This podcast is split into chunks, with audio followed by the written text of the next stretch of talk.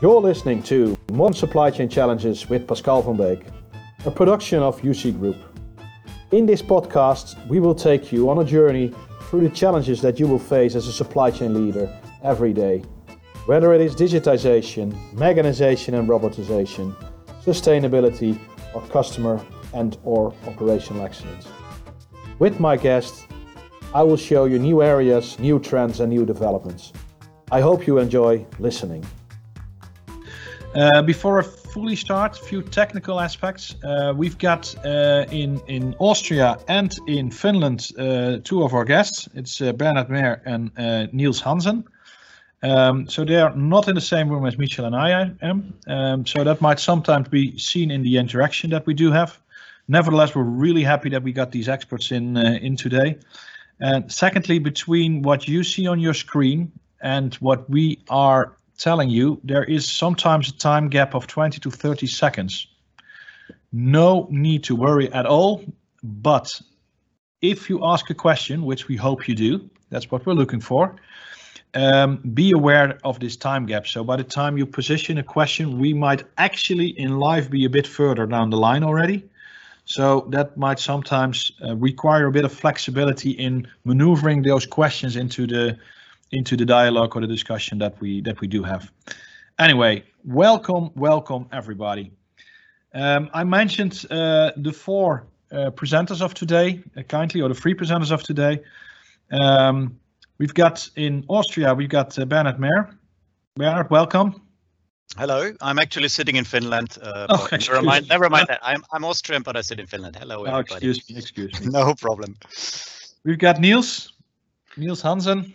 Yes, hello everyone, and uh, thank you, Pascal and the UC Group for the invitation. Appreciate it. And uh, in the room here is uh, my colleague uh, Michel Bronsema. Good afternoon, everybody. Who's uh, our domain expert on automation and mechanization uh, projects. And I will be moderating, but normally we have a lot of dialogue where I will be involved, but looking at the preparation we've done, it will be mostly Michel, uh, Niels and Bernard you will hear today and I will be taking care of the questions that you uh, you feed to us uh, to make sure they are positioned as well, if required. Um, now, like, like uh, um, Bernard and Neil said, uh, thank you UC Group. Who is UC Group? UC Group is a uh, an interim and consultancy firm based in the Netherlands, and we provide consultancy in um, in the sectors logistics service providers, industry, and um, and retail. And what we do, what we're keen up is that we are capable with our team of experts, which consists of about 50 professionals, to not only provide consultancy, but we also have specific uh, consultants in the service to really uh, realize the realization. So we deliver what we consult, and that is what kind of makes us uh, unique in the market. And that's what we try to do. And meanwhile, we try to deliver our knowledge to the market like we do today with uh, this webinar, but also with some webinars, other webinars we did over the last few weeks, which can be seen at YouTube uh, on our channel uh, and on podcasts in uh, in Spotify, for instance. So feel free to have a look there and also look back at this webinar later on. This will not be posted straight away today, but in the coming days that this will will be posted, so you can easily look back what you look or hear back what you've uh, what you've seen. If I may add additionally to that, uh, this is in English. This webinar will be conducted in English. Uh, some of those other webinars that you might find back uh, will be in Dutch. So Thanks for that, because I'm aware we had have a lot of English. Uh, speaking population on the other side. Thanks, Michel. That's very valuable. Um, we also have two guests from Rocla. Uh, I kindly leave over to, to Niels to introduce themselves. Yes, thank you, Pascal. Well, uh, Rocla um, OY actually recently changed their name in the beginning of April to Mitsubishi Logisnext Europe OY.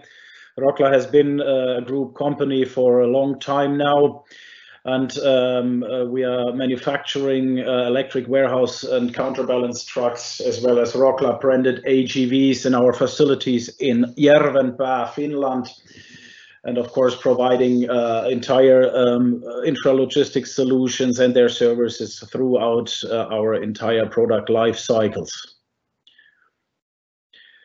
Well, uh, if you go for to the next slide, the automation business of MLE uh, is actually established uh, or has had the first um, implementation of AGV systems in 1983. Rocla itself is already founded in 1943. Uh, in the 50s, we already started handling um, materials, material transports, and uh, since more than 35 years, we are doing also AGV systems. During that time, we had over 7,000 uh, vehicles delivered in more than 1,000 projects. That also includes the projects of our partners. And uh, currently, we are doing approximately 30 projects annually with uh, um, 150 to 200 vehicles per year and uh, our channels are basically direct sales and then uh, via our partners such uh, as the UC group or and then obviously we have the ML Mitsubishi Logisnext um, dealer network which also uh, provides our solutions and uh, the service abilities uh, for our systems locally. Clear, clear. Thanks. Well, well, well said, Niels. You clearly have a, a, big track record as a company and as a as a professional in delivering the the content of today. So I'm I'm happy. I'm really happy that you and your colleague are here today, and uh, and and giving a bit of knowledge back to the market. Let's uh, let's dig into what uh, every listener is listening for. I guess. Um, Michel, I would like to to give you the words, please. Thanks, Pascal. Um, as mentioned, we'll be setting this uh, webinar up through a number of questions to to uh, to, to have a dialogue on, on, on a number of topics. Um, first one being market developments and some product innovation. Uh, I'd like to start off with, with the graph that you can see now on your screen. Um, this graph shows the AGV market growth from 2016 onward until 2024, so we're roughly in the middle now, 2020 um, where we see that both for the Asian and European market, uh, growth expectations are highest, um, which is also something which I referred to in the previous webinar. Um, and the question we have basically is, looking at those graphs, uh, Niels, can you give us an idea of what will be the most profound developments for the European or, or even the Dutch specifically market? Well, uh, on the European scale, I, would say the most profound development is obviously the, vast growth on the AGV market. Uh, there is uh, a significant increase of service providers for AGV solutions and vehicles, and that I would consider as a, as a good sign for, for the market actually kicking off right now, considering that the market is actually the first systems uh, installed in Europe in 63 in the UK. And uh, um, now after uh, the recent developments, we can say that this market has now really kicked off. Okay. For the uh, um, the top market trends, if I go straight to that, would be that uh, at the moment I'd say is the uh, um, the the needs for the cust uh, customers in, in terms of, of mixed fleet uh, um, applications, um, interfaces for for uh, the uh, opportunity to um, actually uh, utilize a different kind of uh, suppliers within one system and interlinking actually the entire processes in one holistic inter intralogistic solution. Okay. And when you mention, I mean, you, you just mentioned do you mean by that uh, a mixed fleet in the sense of both AGV automated, uh, an automated part of a fleet, as well as a, manual aspect? Yes, absolutely. So the uh, need for on the markets is obviously so that the the all the components within a pro, uh, process are interacting with each other and are timed with each other in a, a very high level. So uh, the the need on the market is obviously that the uh, also the manual transports in a company are included in these kind of fully um, automated solutions. Right, and I can I can I can assume then, Bernard, uh, a question for you. Yeah. That, that will also cause complications on on on. Uh, not talking yeah, about implementation exactly. yet, but it will have complications, I imagine. Yeah, I mean, uh, for this for this point here, definitely we need to quickly step out of the uh, uh, marketing thing and say, well, how does it work in implementation? I think that uh, mixed traffic is always an alarm bell for me as a project manager because of, uh, uh, well, it's a safety issue. Uh, Sure. definitely, that's one thing. Another thing is that if you have uh, manual versus the AGV crossing path, you might have actually create traffic jams. Um, the discussion I had actually this morning with a customer, they have 30 vehicles and uh, if there's a crossing path now suddenly coming up.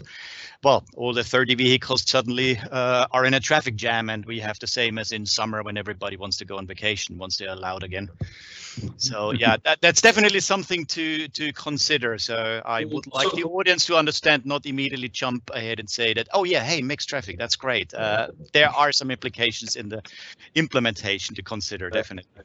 We can we can circle back on it later. Yeah, perfect. Um, any indication, Niels, as to where the AGV market is heading um, in, in, in within Europe, let's say?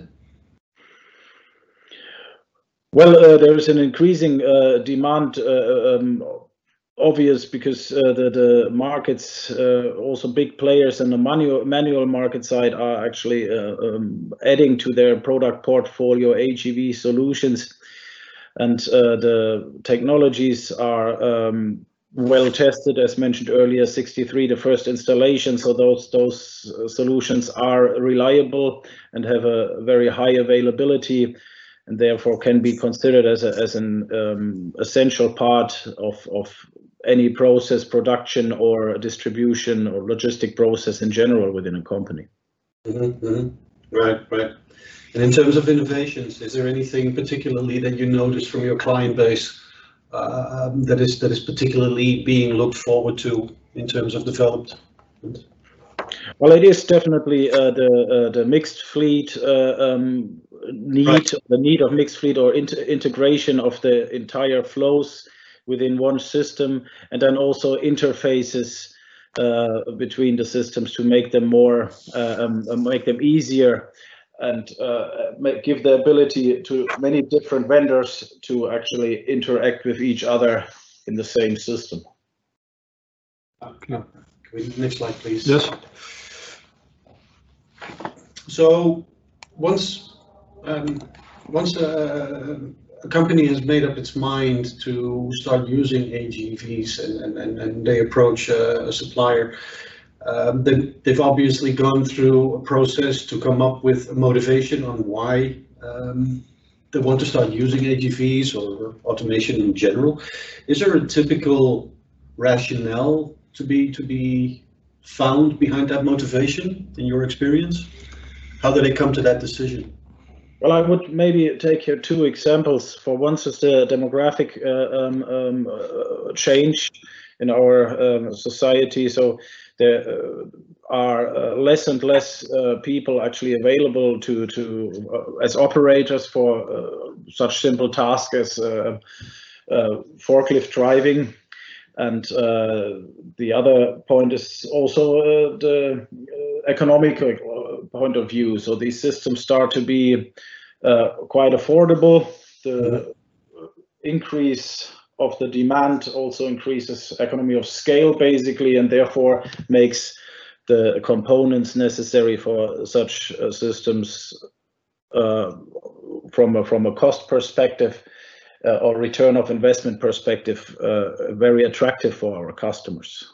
Right. and- Sorry. And if I if I can jump in here quickly as well, that uh, for uh, I can bring an example, an additional one. It's uh, China. Uh, you wouldn't believe, but we also do projects in China where labor is actually fairly cheap. But still, the Chinese told me that it's cheaper to run that system actually because it also runs 24/7. Ah, and and that is one thing. But otherwise, it's the same things what Niels just mentioned apply also for China, for example, where you have basically cheap labor. So yeah, that they are affordable and they are available. Basically, that's a big thing. And, and in terms of logistics organizations, when you look at the cross section of, of, of your logistics customers, is there, is there any difference between those and the rest of the market? Any specific elements that stand out, or, or is it across the board the same? It is basically across uh, uh, the board pretty much the same, but of course, logistics companies are looking to um, optimize their material flows as much as possible. So uh, uh, all terms like just in time or just on time deliveries become very important, specifically if you support any production process. Um, loading and unloading is happening within certain time windows and um, to have an automated system where you can plan those windows precisely and uh, is, is of course very attractive uh, for, for any company in production or also in lo logistics. Okay, okay. Next slide, please.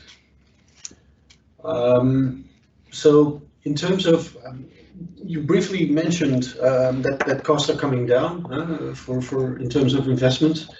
Um, also then the return on that investment is faster. Are there any specific elements usually used to determine this ROI? How do gen how do clients generally calculate uh, their ROIs? What is it based on? Well, the most common uh, approach is, of course, set the uh, cost of an operator and the uh, manual equipment against the invest of an AGV system, and of course the the uh, um, running cost of an AGV system, services, and everything. But uh, a very common um, parameter would be also the fact that AGV systems uh, cause no damage to the goods when they are once they are in operation, also not to the infrastructure. That is uh, also an important factor and can bring uh, the return of investment considerably down, depending, of course, on the product you are handling. Yeah. yeah. Clear. And, and, and, then from my side, Michel, if I may step in, because you, you also mentioned the demographics. So you, you, there are less and less operators available to to to manually uh, do the workload that AGVs can can do. How is that taking into account? Uh, that's not specifically directly a cost impact, only indirect. It is indirect, and it is also the the point that, uh, of course, an operator when you have more pro, um, um, say uh, uh, you you can uh, assign tasks to your operators which would be a bit more valuable to the company than just executing a transport from A to B. Mm-hmm. So uh, from that perspective, of course, it's also economical point of view because if you have an, uh, an uh, one of your employees and you're paying for him and he can be a mu- much more uh, constructive or well um, more efficient work than only driving a forklift. So it doesn't come into the uh, uh ROI calc uh, calculation itself, but I think this is definitely an, an, an subject to be considered. Clear. Clear. And do they, do they generally ask your input? Any companies that that that that that wish to introduce AGVs, or, or are they generally speaking able to come up with those figures themselves, or, or do you cooperate in that? We definitely cooperate and support our customers with that, but in the most cases, the customers are uh, more than capable to calculate this return of investment by themselves. But uh, we can provide, of course, certain tools and also input from our experience uh, what things could be considered in uh, such calculations. Yeah, yeah, clear. So there's certainly participation. Yeah. Next slide. So if, if I quickly jump in here, uh, consider sure. also the 24/7 what AGVs can do compared to manual drivers. I mean, that's also something. Yeah. yeah. Clear. Um, in terms of investments, um, how do you see those those costs developing in the future? Well, I believe that the AGV market is going to uh, increase considerably within the next five years, which of course, again, economy of scale will bring the components, uh, essential components, and also expensive components such as uh, safety scanners, navigation technologies, uh, bring those costs very much down. Therefore, I believe that this will have also an impact um, on, on an easier decision uh, to move towards an, an AGV system. Okay, but if, if I'm a CEO, what what should I do? Should I wait uh, for two more years or should I start now? What what what what would make that difference?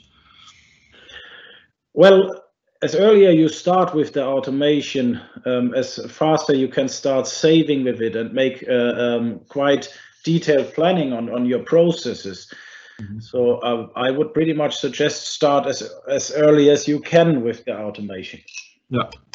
Certainly also in light when we're looking at the next slide uh, with the current pandemic, um, uh, COVID-19, do you see that having any impact on on on, on um, sales in general, implementations? Well, I believe uh, uh, for the time being, it is uh, so that, that COVID-19 gives the chance for, for our clients to actually concentrate a little bit more on their planning and, the, and their future considerations, which in that respect uh, um, shows in, in, uh, in, inquiries and the support we provide to our customers. In terms of investment, um, I believe that the customer, specifically the, the um, purchasers, they see uh, that this impact of, of the people having to work from home or can, cannot come to the um, office does have uh, an effect that if you have an AGV making the transports, the, the AGV will not have to go home and will not be in, uh, infected from COVID-19. Yeah. So I, uh, we don't see the impact specifically now, only in terms of, of planning, but uh -huh. in terms of purchasing, I would say that uh, will also have a certain effect, but that will realize most likely uh, within the next years, one, two years. Yeah. People see it as a burning platform, uh, as a kind of a burning platform to start worrying about the future a little more, and and, and hence may decide uh, to start uh, to start implementing automation at some point.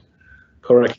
Yeah. yeah. Okay. Brings okay. more resilience, basically. Yes. Yeah. Mm -hmm. Clear. Um, then on the next slide, um, when we're looking at AGVs, um, there's different kinds of propulsions. Huh? There's magnetic, there's uh, laser guided. Is it is that specific for certain markets, different market segments or users, um, or, or is it across the board all having the same um, wishes in terms of um, propulsions? Well, I think it is uh, a little bit uh, depending. Up to now, it is still so that actually the, the most used uh, navigation technology would be the laser navigation. The last numbers I checked, we are still around 90% of the systems are implemented um, with with laser navigation. There are lots of very promising new technologies, but in that perspective, you have to uh, think a little uh, that uh, that you use a technology which is a, a um, well tested and also have have say overlived the, the children's sicknesses. So it is a uh, um, reliable technology because in the end you want to uh, um, uh, support uh, an essential part of your own processes, and this requires a technology which will also keep up. Okay. Now, what, what about the relation between um, types of loads that are carried and, and, and uh, preference for specific uh, uh grid systems, the GPS, the induction, reflectors, sensors? Is this, is there anything to, to, to, to mention on that? Well, uh, it is very much, as I mentioned earlier, depending on the on the process you support. So the process dictates you, uh, or or not dictates, but uh, suggests the most uh, suitable uh, navigation technology. Um, what is an, uh, a valid option is, of course, the or a very much tested option at the moment is the free navi range navigation this uh, navigating basically with the uh, with the safety scanners. And uh, this is uh, also uh, from my perspective a future technology which will implement uh, itself quite nicely. But for the time being it is a bit well still in in its children's shoes let's say. Yeah, yeah. and i can also imagine if you would have if you would want to have your um, narrow aisle trucking automated, you might want to prefer to have a, a magnetic magnetic grid system rather than GPS or laser driven because there might also be a cost benefit there. That is true. You would need more than magnetic in, in a very narrow aisle. Yeah. yeah. That is very often used, as you said, in very uh, uh, narrow aisle applications or also in block storage applications where the, the blocks are basically so high that you cannot look, uh, look uh, beyond the piles. Then you use within the aisles uh, maybe an, an, uh, an, alternative solution as magnetic uh, um, inductive uh, magnetic spots or inductive navigation. But that is, as I said, depending on the need of the application. Yeah, clear, clear. Okay, okay.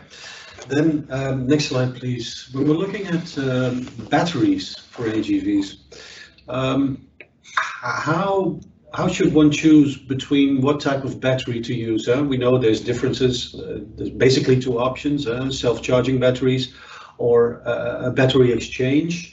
What are the driving forces uh, behind these options to consider? Once again, it is uh, uh, the process uh, which need to be considered for that.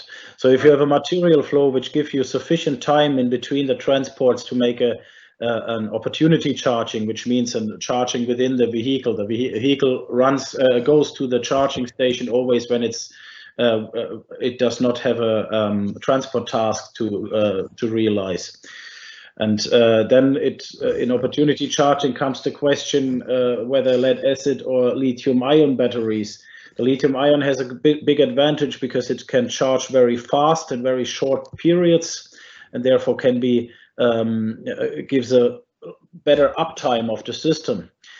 But uh, the battery exchange is also a valid option because there you have basically an um, utilization of the system of about 98 uh, percent. Because the battery exchange is rather fast. That can also be automated if necessary. Uh-huh.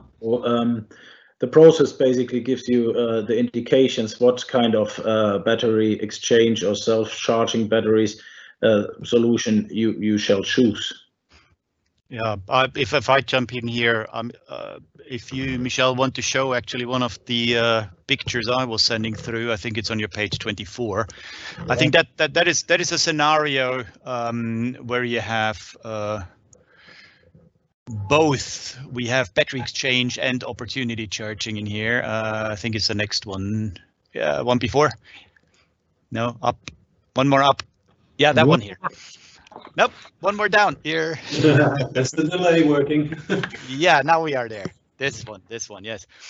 So in this case, we have both. Uh, in this case, the customer started off with a battery exchange that is uh, on the left side of the picture. They're marked with number one. Uh, they have a 24-7 uh, production. However, the dispatch is only in two shifts over five days. Now, the question is that the warehouse is far away from the production. How do they do the battery exchange during the weekend, for example, or longer weekends if there's like a Christmas, Easter, or whatever, uh, more time off?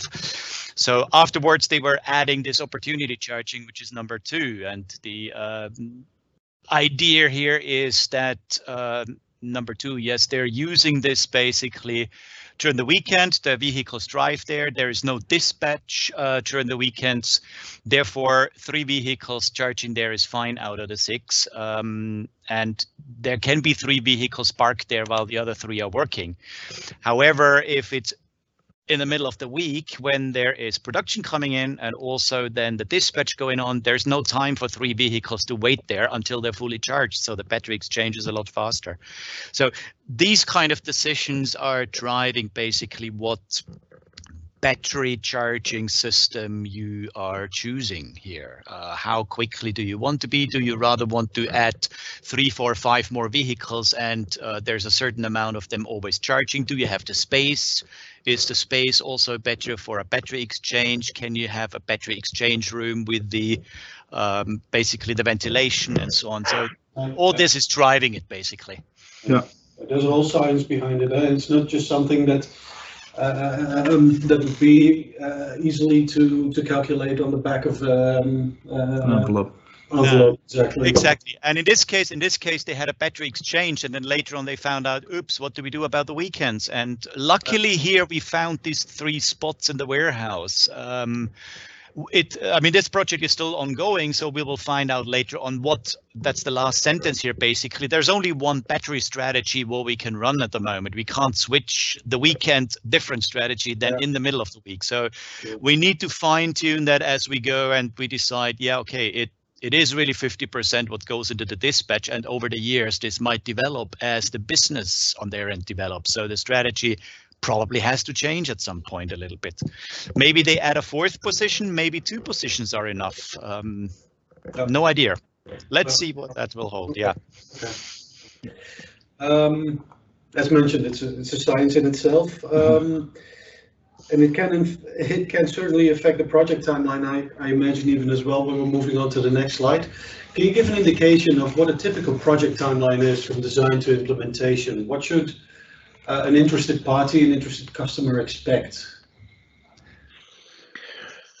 Well, typical would be actually from the uh, point of of um, uh, of the first inquiry to the actual decision of purchases in, in average about one year.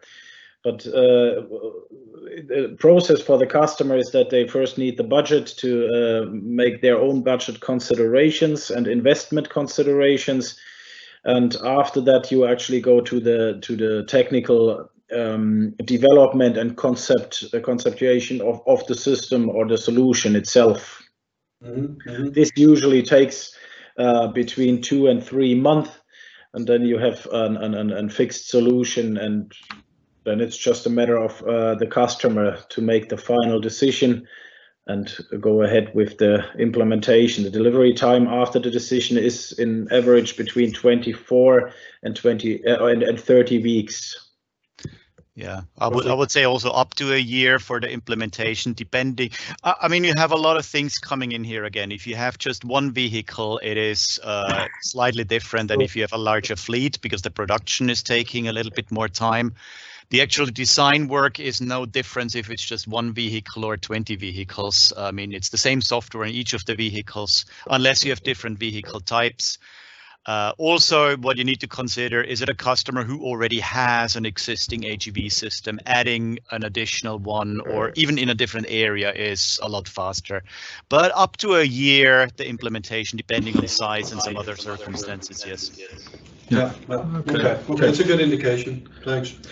Um, then, now that you're talking, Bernard, uh, we're moving on to implementation. Um, which, which we feel has sufficient time. So, yeah. uh, like I said in the beginning, when we need to evaluate, yeah. it's perfect to to move on and, and exactly. use the time we have. Niels can rest his voice now a bit. Have a coffee. Um, looking looking at the management and control functions of, of an AGV operation, Bernard, uh, um, would that normally fall under the responsibility of one person, be it a supervisor or an operator? How do companies typically handle those aspects? Yeah, most of the time it starts off with, oh, I can hear myself now, so there's some feedback somewhere. um, most of the time it starts off that there is more uh, roles involved. So you have the IT department being responsible with a database and setting up everything. Um, at some point they might fade out a little bit and you have the operators coming in. So it's a bit blurry. There's no strict border here. Um, I had customers who had actually well, uh, the operators or people in the warehouse that actually called the IT department. Yes, the AGV uh, has stopped now. Please come here and help us. And from the IT department, they have no idea on how these work in manual driving, for example. Um, but they are concerned about the database. So we need to look at the different components here. We have an ERP system like you have on the picture. We have a database. We have a system manager basically um, controlling the fleet. We have the fleet itself, the AGVs, and there's different roles there involved. Mm -hmm. Naturally, it will develop in one way or the other, but the operator, meaning the, the people close to the AGVs will never disappear, actually. You will have some logistics personnel there, some maintenance personnel. Um, the IT could be theoretically outsourced and you can have an IT person sitting half around the globe taking care of the database. Any thoughts on um, systemic placing of, of stock and location management software, be it ERP, WMS, and even uh, AGV controlling software? Mm. Yeah, and you, and you, you will you will need that. So um, I'm usually saying it in a nice way. The AGVs are are pretty dumb. They know what they need to do. They know how to uh, lift the fork or clamp up down. They know how to drive, they know about their speed, but they don't really remember on what they are transporting and where they are transporting it to. Once a transport is done, they basically, it's not stored in the AGV. That would be too much. They are having already enough to do and it would consume a lot of power and energy and uh, electronics, produce even more heat inside um, if, if they would do that. So you would need to outsource that in a central system. And you can imagine it basically as three systems. Uh, that is a database database, an ERP system, basically, um, uh, or a warehouse management system, knowing where things are stored, uh, in which shelf, uh, in which aisle, etc. And then you have one system which is like a taxi central, telling the AGVs, please pick up something at A, transport it to B, and then you're done. And then you have the actual AGV. So uh, these three systems, you want to keep separated. Uh, theoretically, you can do put the uh, like a, a, system manager, a fleet controller on the same system as the database, but that server will uh, burn out pretty soon. It, it's it's two different things. A database server doesn't need computing power, but needs database power. It's a search engine basically and the system management or, or the fleet controller is very calculation intensive. So there's route management to be done, uh, calculation, where are the different vehicles, and the more vehicles you have, the more power hungry in terms of computing power it becomes. So you, you need to separate that. I, I don't see personally that this will uh, be one thing in the future. Yeah, and, and that answers the next question that we had as well. Uh, where do we place AGV controls? Uh, could it be done within a WMS or would uh, any customer always need um, its its its separate set of, of, of tools well, to do that controlling? I guess. Well, maybe maybe maybe I can I can I can put in some hope in there. Yes, it could be done if you have a very very simple AGV system which drives from A to B and there's nothing else to be done and it's a straight mm-hmm. line and you don't have to optimize any routing. I mean, if you if you imagine a layout where you have a straight line between two points, you don't need the optimization part. You drive forth back. You can actually build a conveyor if you want to. Mm -hmm. uh, however, the AGV system uh, gets it at, it at one really huge advantage in offering the possibilities to drive left or right around this way. Uh, so several ways to get from A to B and then to C, etc. And and there you can really start to optimize. And, and once you have that, uh, it's the same way as if you have your own navigation system and the navigation system turn right, you turn left, and suddenly it needs to recalculate. It takes a few seconds.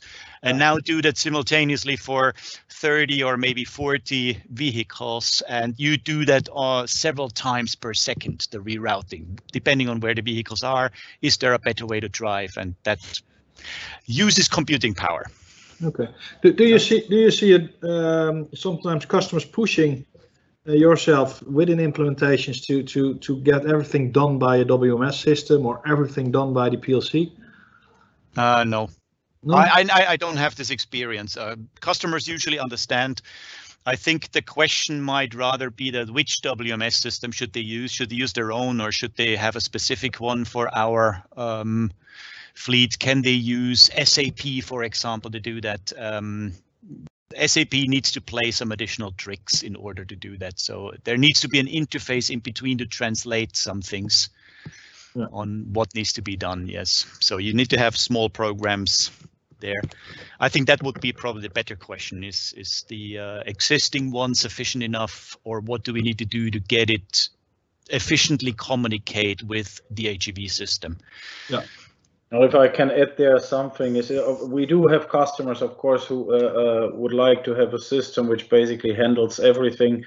Uh, we ourselves are uh, providing then uh, um, with our partners also WMS systems, but to have all in one system, I usually um, mention to our customers that you want to keep the AGV system as simple as possible so that it does what it's actually paid for, just executing transports and in the most efficient way.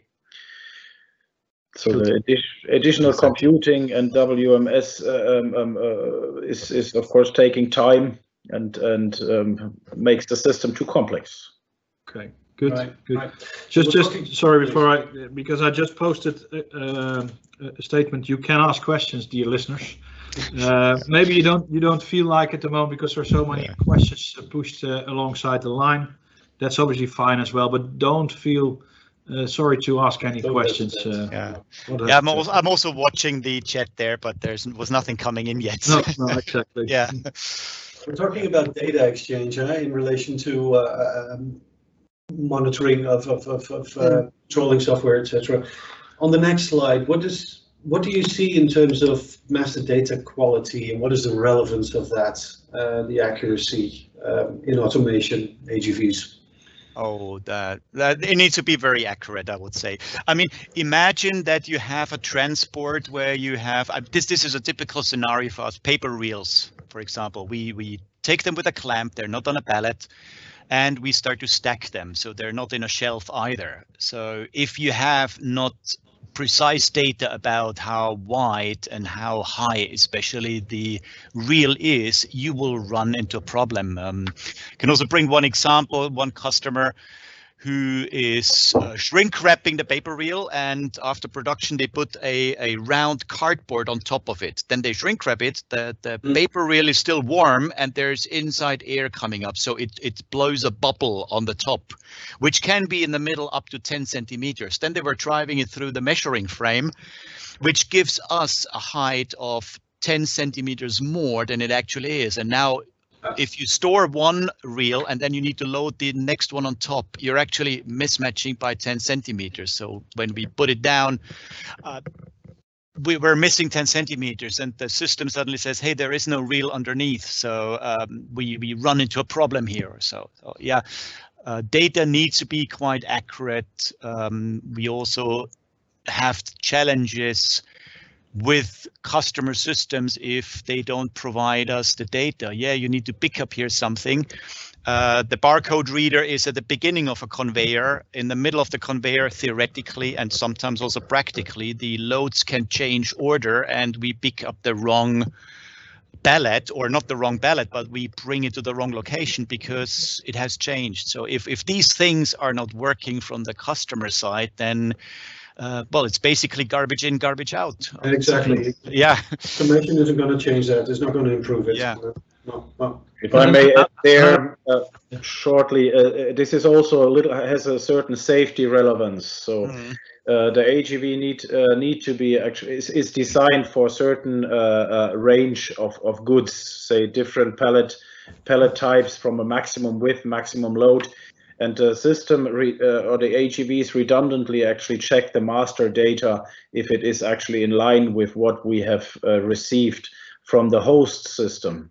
Mm-hmm. Now, shortly coming also to to uh, end of line products in paper industry, for example, this variance which sometimes happens in sheeting applications. For example, you have lots of sheets of paper stacked uh, uh, to one meter fifty high.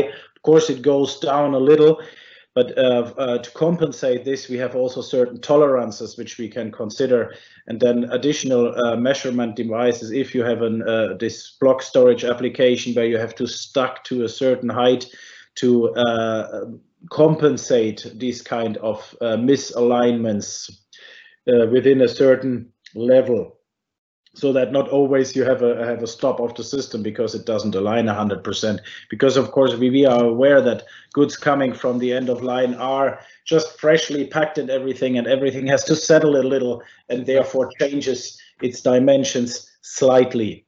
And we have uh, sensorics on the on the uh, machines uh, to comp compensate these kind of misalignments. Okay.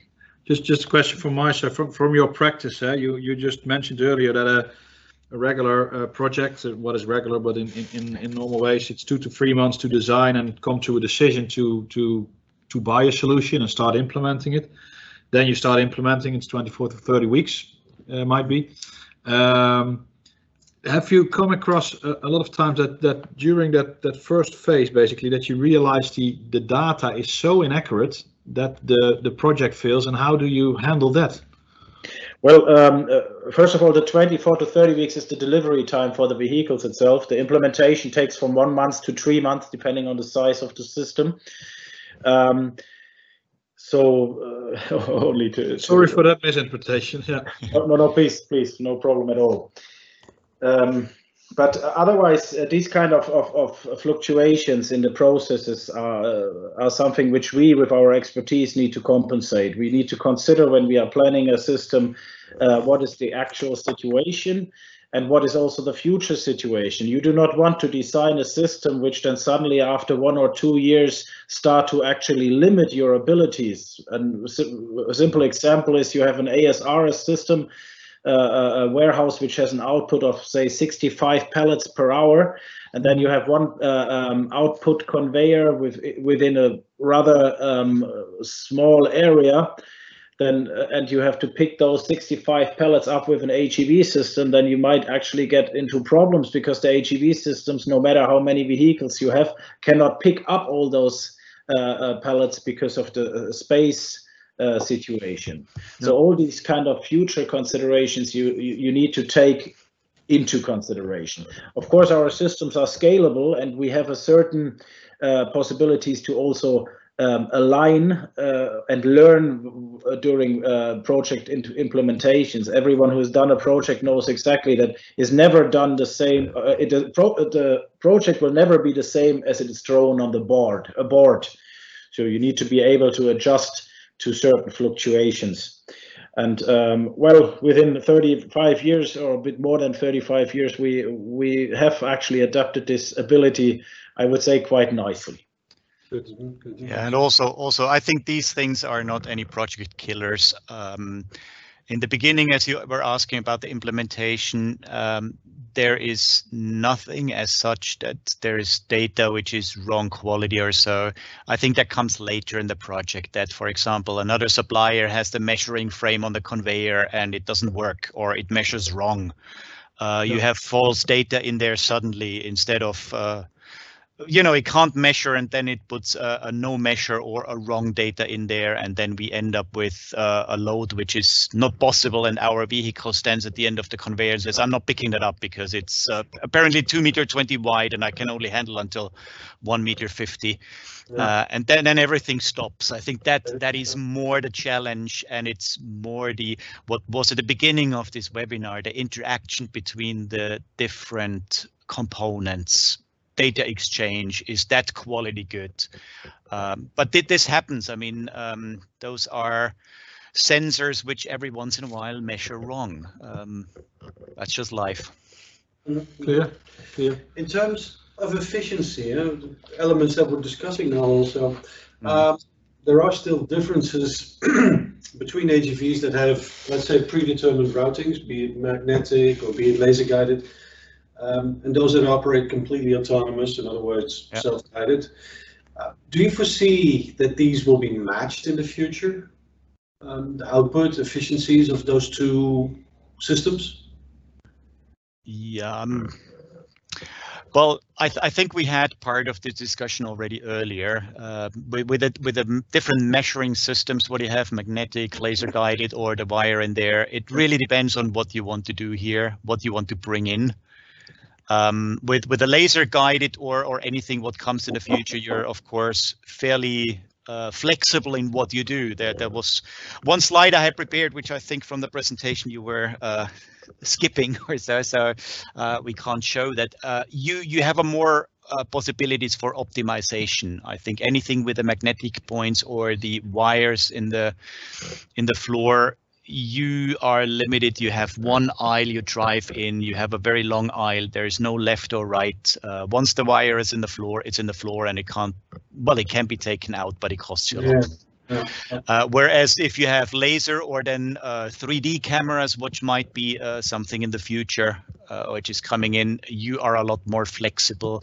Uh, vehicles can drive. You, you you can give them basically a flight path, if you wish, which is a, a corridor which has a certain width, and within this corridor they can roam around as they wish and they can get out of each other's way and get out of other vehicles' way if they know where they are. Whereas if you have a wire, they're pretty much stuck to that one. It's like a, it's like a train on a rail. Um, you're, you're, you're, limited. So I think I think that is driving. And for some applications, like a very long aisle, uh, where you have a VNA driving, for example, a very narrow aisle vehicle, um, a wire is definitely better because the laser guided like we have it right now with reflectors is not efficient enough. Hmm. Clear. Mm -hmm. yeah. Good, good. Thanks.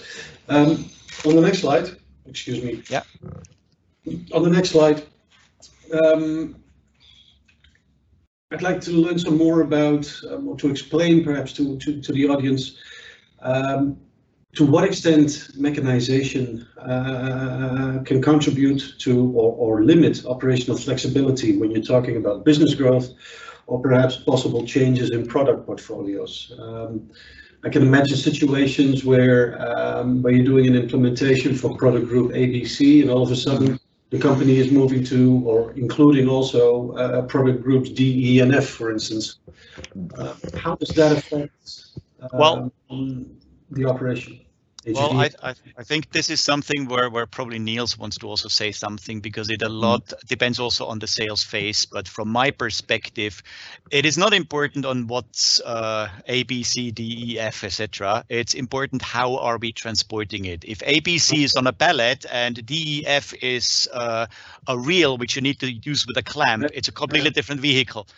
So if we if we transport it the same way, if you're within the same restrictions, it's on a pallet, it has the same weight limitations, it has the same size or measurement limitations on the pallet, and the, the load is not suddenly like twice as big in volume, then you don't have a problem actually. But if you suddenly transport something completely different in a completely different way, you bring it to a completely different uh, conveyor or pick it up from a different conveyor. The warehouse storage uh, shelf is higher up, that is basically limiting it. And um, within the same specifications of the vehicle, I would say, uh, you can do whatever you want. It's very easy to change. Uh, of course, it all costs money because it takes time to do that also to a certain amount. Well, basically, uh, if I shortly say something to that, uh, uh, Bernhard certain extent already answered that, but the transports nowadays, uh, or already for a long time, have been actually standardized, uh, well, quite far. The whole transportation uh, uh um, chain is dealing mostly with, uh, in Europe at least, with Euro pallets or industrial pellet sizes. So the the, the goods themselves or the uh, um, or the goods change, but the load carrier itself not. And uh, then, of course, it is in our responsibility to consider the process so that it can be uh, can be scalable.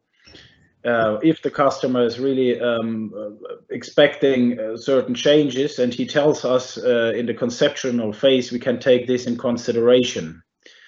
But of course, if the entire project uh, um, uh, production changes and you complete new product or anything, that might be, of course, challenging. Yeah. and and also go a little bit into some smaller things. I mean, an operational change might be that a customer says we do some barcode scanning of the pallet. There's a barcode on it, and we do that with a handheld scanner at some point. But now we would like it to be done by the AGV as it picks up the load. Oh, oh uh, careful, careful with that, Bernhard. I have to stop you there. Yeah, okay. I know. Uh, uh, the, um, um, you do not want an AGV to have all abilities because I first don't. of all, if you have have lots of uh, technology, yeah, lots of technology on an AGV on an on, on moving vehicle, which is of course uh, all the time a little bit uh, um, uh, ro rotating, moving all the time uh, it, these are all parts which can break eventually. And of course, if you have a big fleet and each uh, vehicle has a barcode scanner, you have um, a rather high cost. Yeah. And then again, the um, good identification you want to happen before the vehicle actually reaches the pickup station, because then the um, the WMS can already actually determine the, the um, its destination. So um, the preferred solution would be that you have uh, uh, identification technology stationary or or manually um, before the AGV actually gets in in motion. And um, well, and I, I, I agree. AGV, I agree. Yes, as I said, an AGV is basically is is best in doing transports and not in identifying any goods or recalculate uh, uh, recalculating um, big dynamic changes within uh, within the process. So uh, it's and I, I think Michel from this, from this one to be for. Don't expand on it. Huh? Yeah, True. yeah, but but this this Michel I think also explains to you uh, what changes come in, how how to react. So this is basically the discussions we have all the time on what is efficient versus what really technology can do it, but is it really sufficient? That's a completely different beast. Yeah, Yeah. yeah, gotcha. Looking also with uh, with uh, with with an eye on on, on time. Um, in the next slide, implement, uh, implementation number thirteen. Um, the question was, what do you encounter during design and conception, as well as implementation phases, in terms of good practices and bad examples? Uh, perhaps I'd like to move on to the to the question that is behind there. What's the number one shortcoming that companies don't think of during design or implementation phases? Is, is that something that's generic for every company or is it different in every situation? I would say the uh, generic here is that uh, very often, uh, just due to the fact that AGVs are not that uh, that well uh, known yet, is that uh, Exactly, some people actually compare manual-driven forklifts with an AGV system. That, so that uh, is the, the shortcoming. An AGV system is definitely slower than a manual-driven uh, um, uh, forklift that is mostly due to the safety regulations. You need to have a safe system. And then also in terms of warehouses, if I see now this picture is a rather good example, you cannot pack uh, the, the pallets as dense as, as an, uh, a manual operator. The manual operator takes a look around, sees a corner, well, there is a little bit of space, let's put the things there. That's something which an AGV cannot do. The AGV needs its space. It needs uh, the safety distances need to be considered and uh, therefore there, uh, the the cons uh, consistency of the system is where where the efficiency comes from, but not necessarily from the speed and also from the warehouse capacity.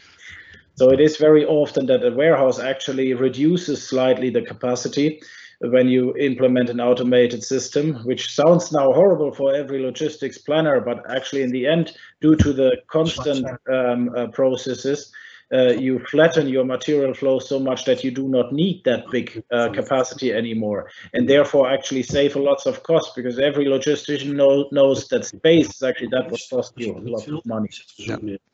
And it's, it's pretty much my experience, Niels, as well, that uh, most of the time I'm actually talking to the customer and I realize they're still thinking in manual driving terms uh, when they compare to to an AGV system, basically. So that's that's change management. If you, Michel, want to have one term here of of the yeah. people's mind is is definitely one. That, I wouldn't call it a shortcoming. It's just a different approach to the same problem. Um, customers come from the manual side. They have that. We know the AGV side, and we just need to meet somewhere.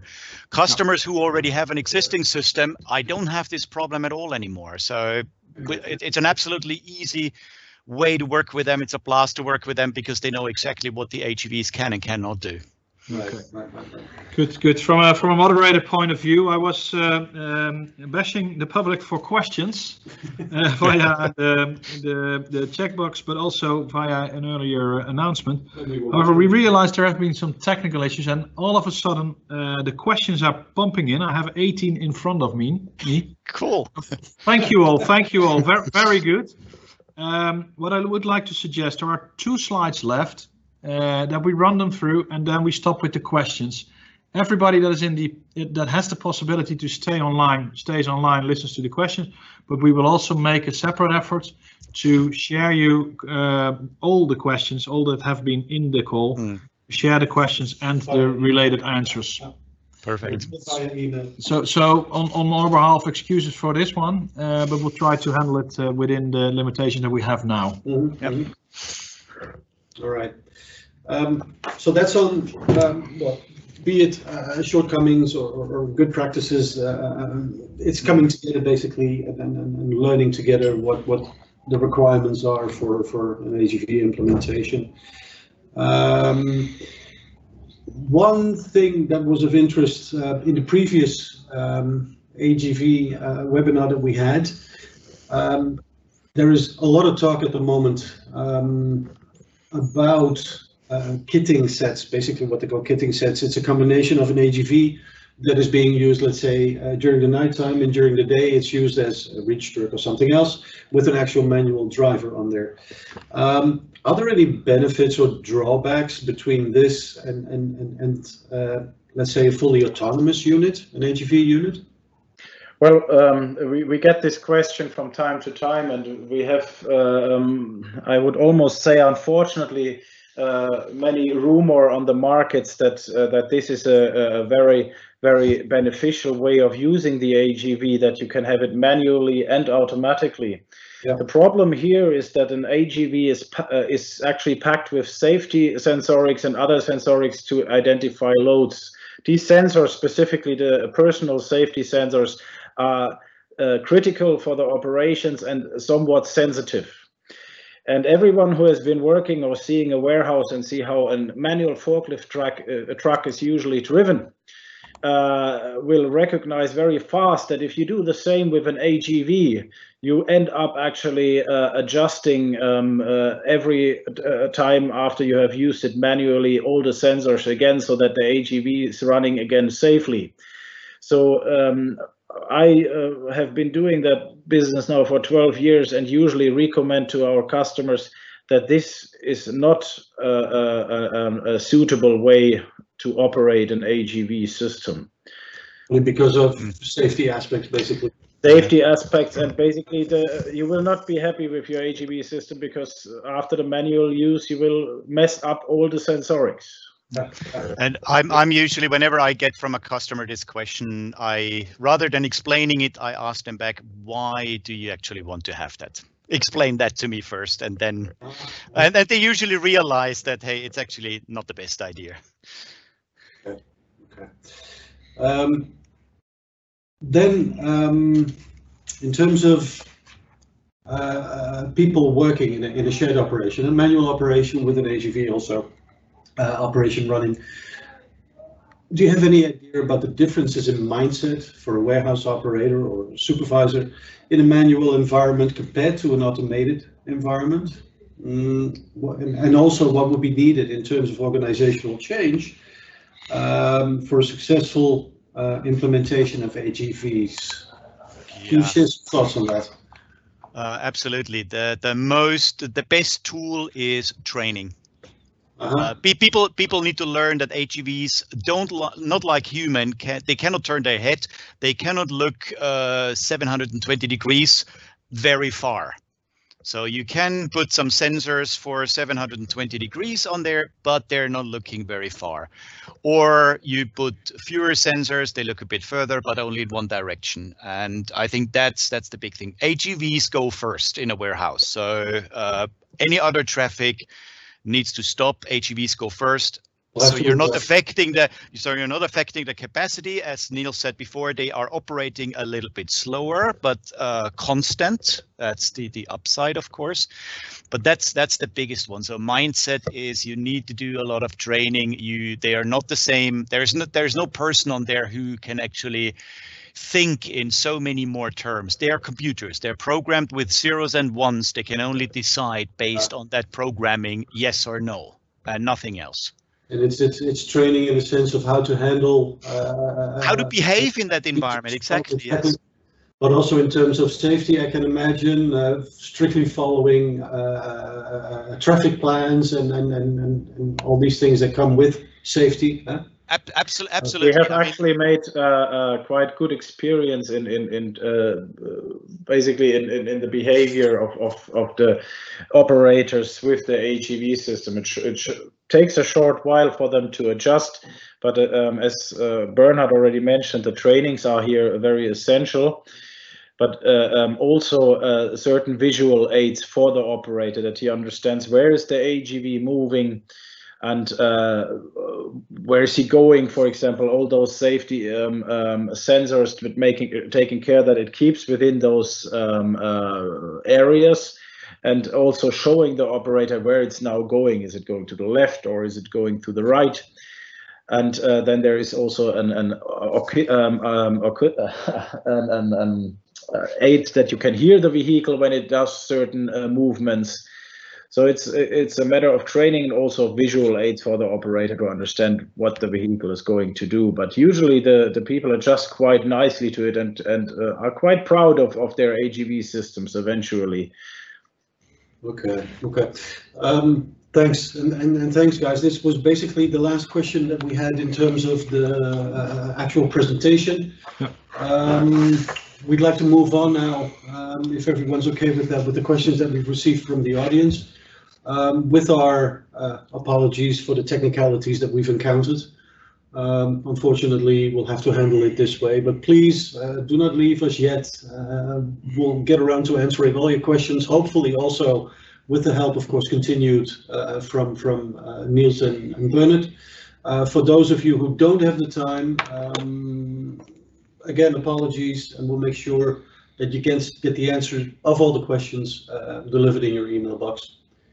Pascal, do you Yeah. want to go for the first question? We'll go for the first question, uh, which is obviously way back in our slides, uh, shared by uh, Ro and Nathaniel. Um, Are there any efforts in renting slash leasing of AGVs to offset the high initial investments? Certainly there are. So uh, there are uh, different kind of uh, investment models uh, uh, which which can be uh, discussed and presented.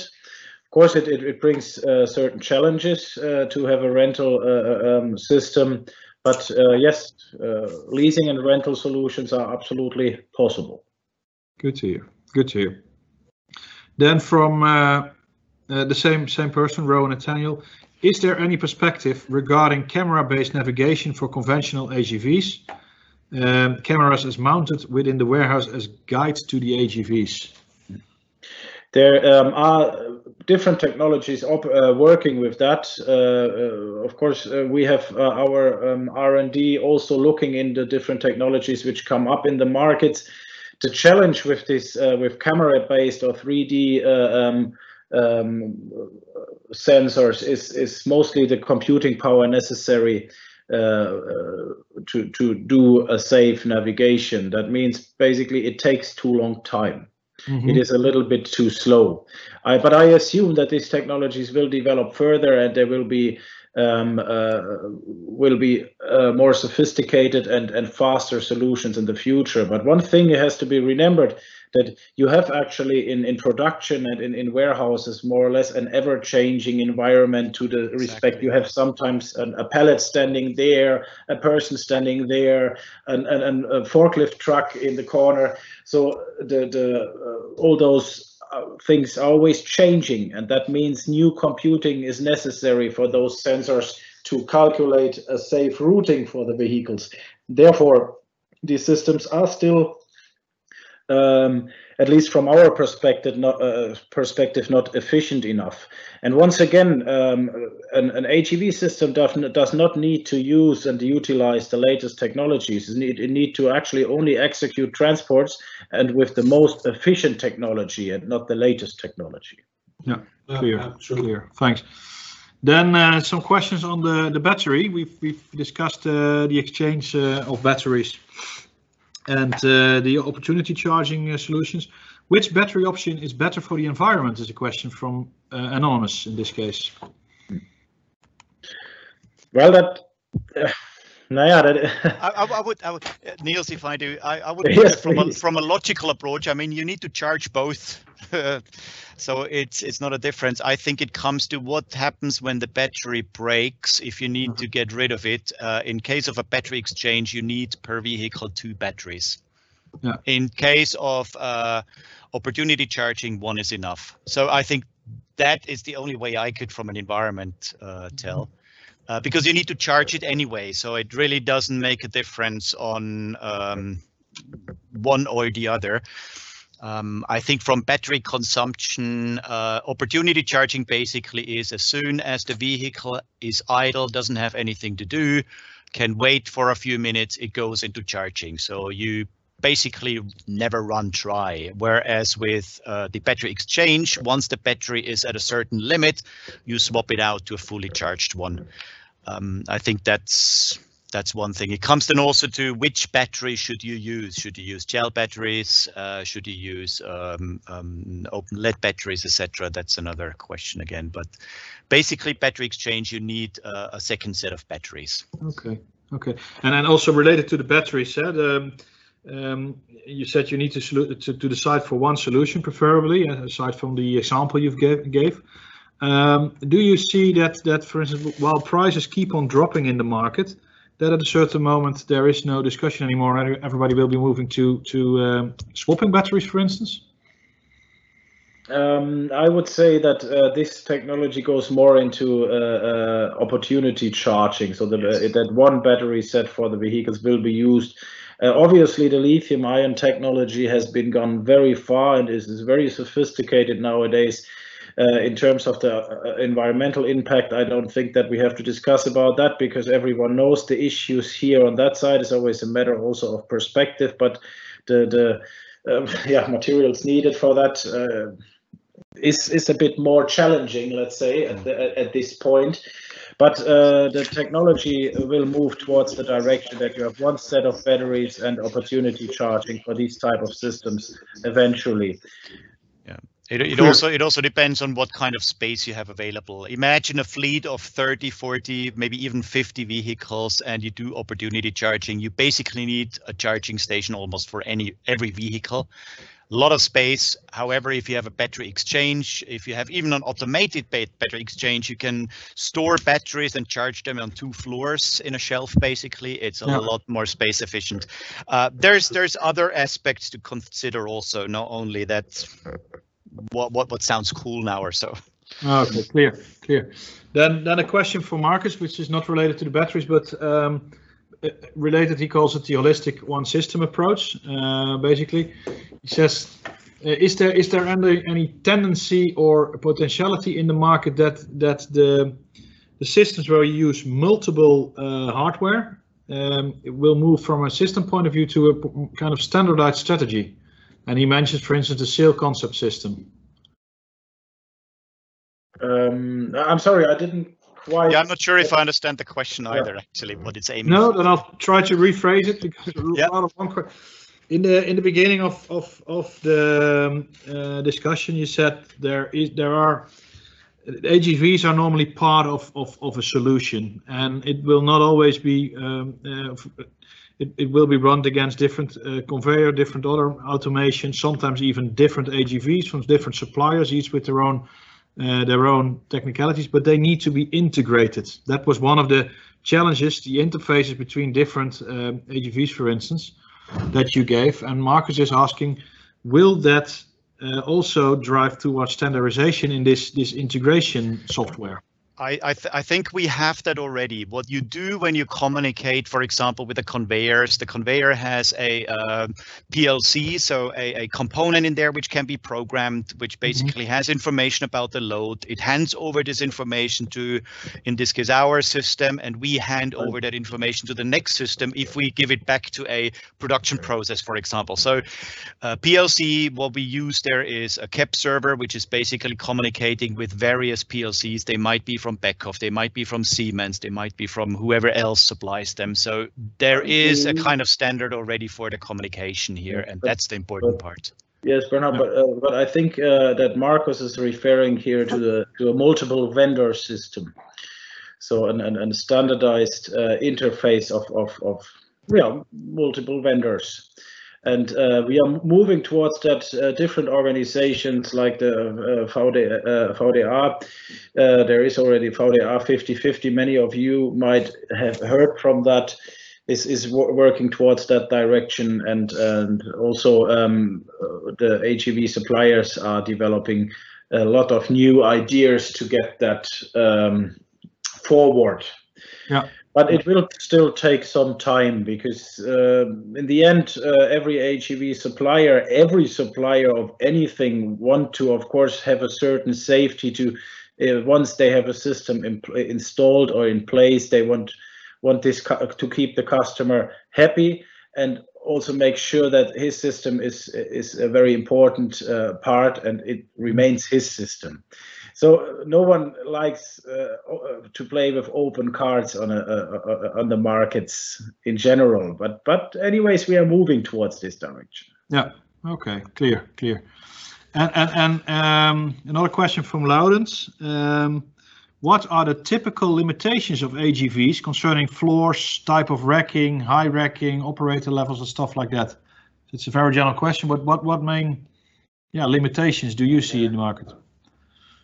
The limitations here are basically the, the, the, space requirements you need for an AGV to operate. The AGV always needs slightly more space because of their say the safety uh, uh, fields which need to be considered, which need to uh, need, need to be there to be safe uh, uh, for uh, operating in an environment where also pedestrians are walking around. Mm -hmm. So um, this is maybe the biggest challenge, but the AGV suppliers nowadays are more and more concentrating on uh, solutions or working on solutions that can actually replace a manual sorry a manual forklift truck without too much of uh, changes in the entire warehouse. For example uh, um, reach mast applications they have commonly about three meters of aisle width. uh, maybe a bit less, maybe a bit more. And uh, of course, uh, the AGV need to be able to operate in that so that you don't have to uh, change an entire warehouse. No. So um, the, there are uh, lots of AGV solutions in place which nowadays can already operate in existing facilities, but certain um, standards still need to be kept. Floor um, requirements and these kind of things need to be considered. Okay, clear, clear. Then a question from M. It sounds like a Bond movie now. What is the trend in more complex situation, multiple AGVs and a lot of different destinations, swarm fleet instead of central controls of the AGV fleet? It's hope you get the question, but is is there a trend to to go, go more to swarm fleet uh, control rather than central control? Well, I, I, I, know that one of my colleagues has a system where we actually installed five systems. Mm -hmm. So they're they're separated, and a certain amount of AGVs are controlled by one system manager, basically. And uh, the the at the borders, they are over a conveyor or or a table or so interacting with each other. If I'm remembering this project right, so it happens, but you need to have also the size of the customer, the warehouse, the whole a business park basically there where the operations go. Yeah. Uh, in general, in general, customers like it if everything is managed by one system because then it's one interface they have to deal with and not two or three. Yeah. That's a lot easier for the operators. Okay. There's also a question, the swarm fleet management, of course, uh, depending on the solution which you are aiming for. So there is um, uh, there are applications where this where the swarm fleet management makes absolutely sense. You have a huge amount of, of say uh, um, AGCs, so carts, small carts, uh, moving racks all around. Mm -hmm. there are huge um, applications in in um, parcel deliveries. Amazon, for example, very famous. They even have their own solution there. So um, it depends on the application at uh, what, what point that also makes sense and it is applicable. Okay, clear. Then a question from uh, Harold Patience. Uh, with which percentage is speed reduced if you compare an AGV versus a manual solution? In which percentage is? Is speed reduced? Oh, we're driving. We're driving with two meters per second. That's the average maximum speed. Is that? I think I think this question is related to what we discussed in terms of uh, a mixed fleet at one point, um, where manual traffic would have to wait um, for uh, AGV traffic. Um, yeah, that would be the average speed then of the system, rather. Well, the, the manual forklift trucks, of course, they will uh, will always be faster. Um, the uh, average speed within uh, production facilities, uh, uh however, they uh, also the manual trucks cannot drive very fast. So um, this is a question which is not very easy to answer. It need need to be considered, let's say, case specific. but a manual a manual truck, of course, is faster, but therefore the AGV is constant. So in the end, it is probably so that the AGV gets a, gets a higher throughput as long as it is not too much interrupted uh, by external influences. Yeah. I would say on a quarter mile the AGV loses, but when it comes throughout the week, we might actually win the mm. speed mm. race. Yeah. Okay. Good. Um, then a question from uh, Clemens Wollman. Uh, what cost do you calculate from experience for damage to a manual forklift driver per year in comparison to the AGV? That's related to the business case we discussed in the beginning, where mm -hmm. you said it's not only uh, the productivity gain, but sometimes customers always also take into account less damages. Yes, that is uh, uh, that is actually a, an amount which the customers mostly have to determine by themselves. But what I can say is that, for example, if you have a high value good or even a, a good which like like paper reels, Yeah. paper reels uh, are between 1.6 to 5 tons heavy. If you clamp them a little bit wrong and you have an uh, um, uh, basically destroy their shape, you have to throw away 5 tons or 1.5 to 5 tons of paper, the entire roll. This is something which will never happen to you. We have uh, with an AGV, we have an, an, an example in which the customer actually reduced the payback of its system from 2.5 to less than a year when he calculated uh, the uh, product losses, which were basically from uh, was it three percent uh, to zero. Okay, clear, clear. So, okay, so it's it's it's very customer specific, and normally your customer would know the, that data to be used in the business case. They, could consider to a certain am amount, and then of course, I mean the the, the environmental damages, uh, not environmental, sorry, the infrastructural damages on the uh, warehouses, the pillars, the, the the doors, and I think I've never seen a warehouse where you don't have a bump um, up there on the uh, on the doors from a where from a, a, truck. So these are also cost, and and also these cost uh, a company usually have um, documented. So you can also reduce these to costs because that is not happening to you with an AGV system. Yeah, clear, clear. Then um, I would like to have the last question uh, risen, raised uh, from Jan Willem. Um, where do you expect future improvements for AGVs to come from, hardware or software, and in what areas? It is mostly, uh, I would say, um, software. The hardware, that? Uh, yes, the, the, the, hardware itself, as I said, the transports nowadays are highly standardized mm -hmm. already. So uh, there is not too much more hardware needed. Because if you would ch start changing those standards, that would have an impact of entire industries of uh, or entire uh, work chains and everything. So, mm -hmm. so it's unlikely that this is going to happen. So softwares might increase uh, the efficiency of the systems uh, in, in different uh, terms. So yeah, software is probably the the thing which will influence the business most. Yeah, I think hardware can still be improved, but the advancements will be so slow compared to the software. So no. software, you can actually watch it. Uh, hardware is like watching your fingernails grow. It's it's a lot slower. Okay, good. Thanks. Then uh, we'll run through an end. Bernard, Niels, thank you very much for sharing your knowledge with the audience. Thank you. It was a thank pleasure. You. Michel, thank you very much for for yeah sharing the preparation and your knowledge here. Um, sure.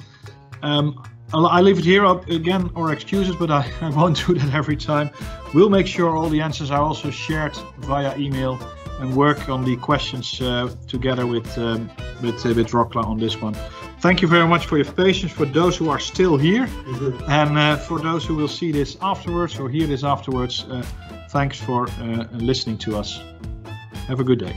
All right. Have a good day. Bye bye. Hey. Thank you. Goodbye. Thanks.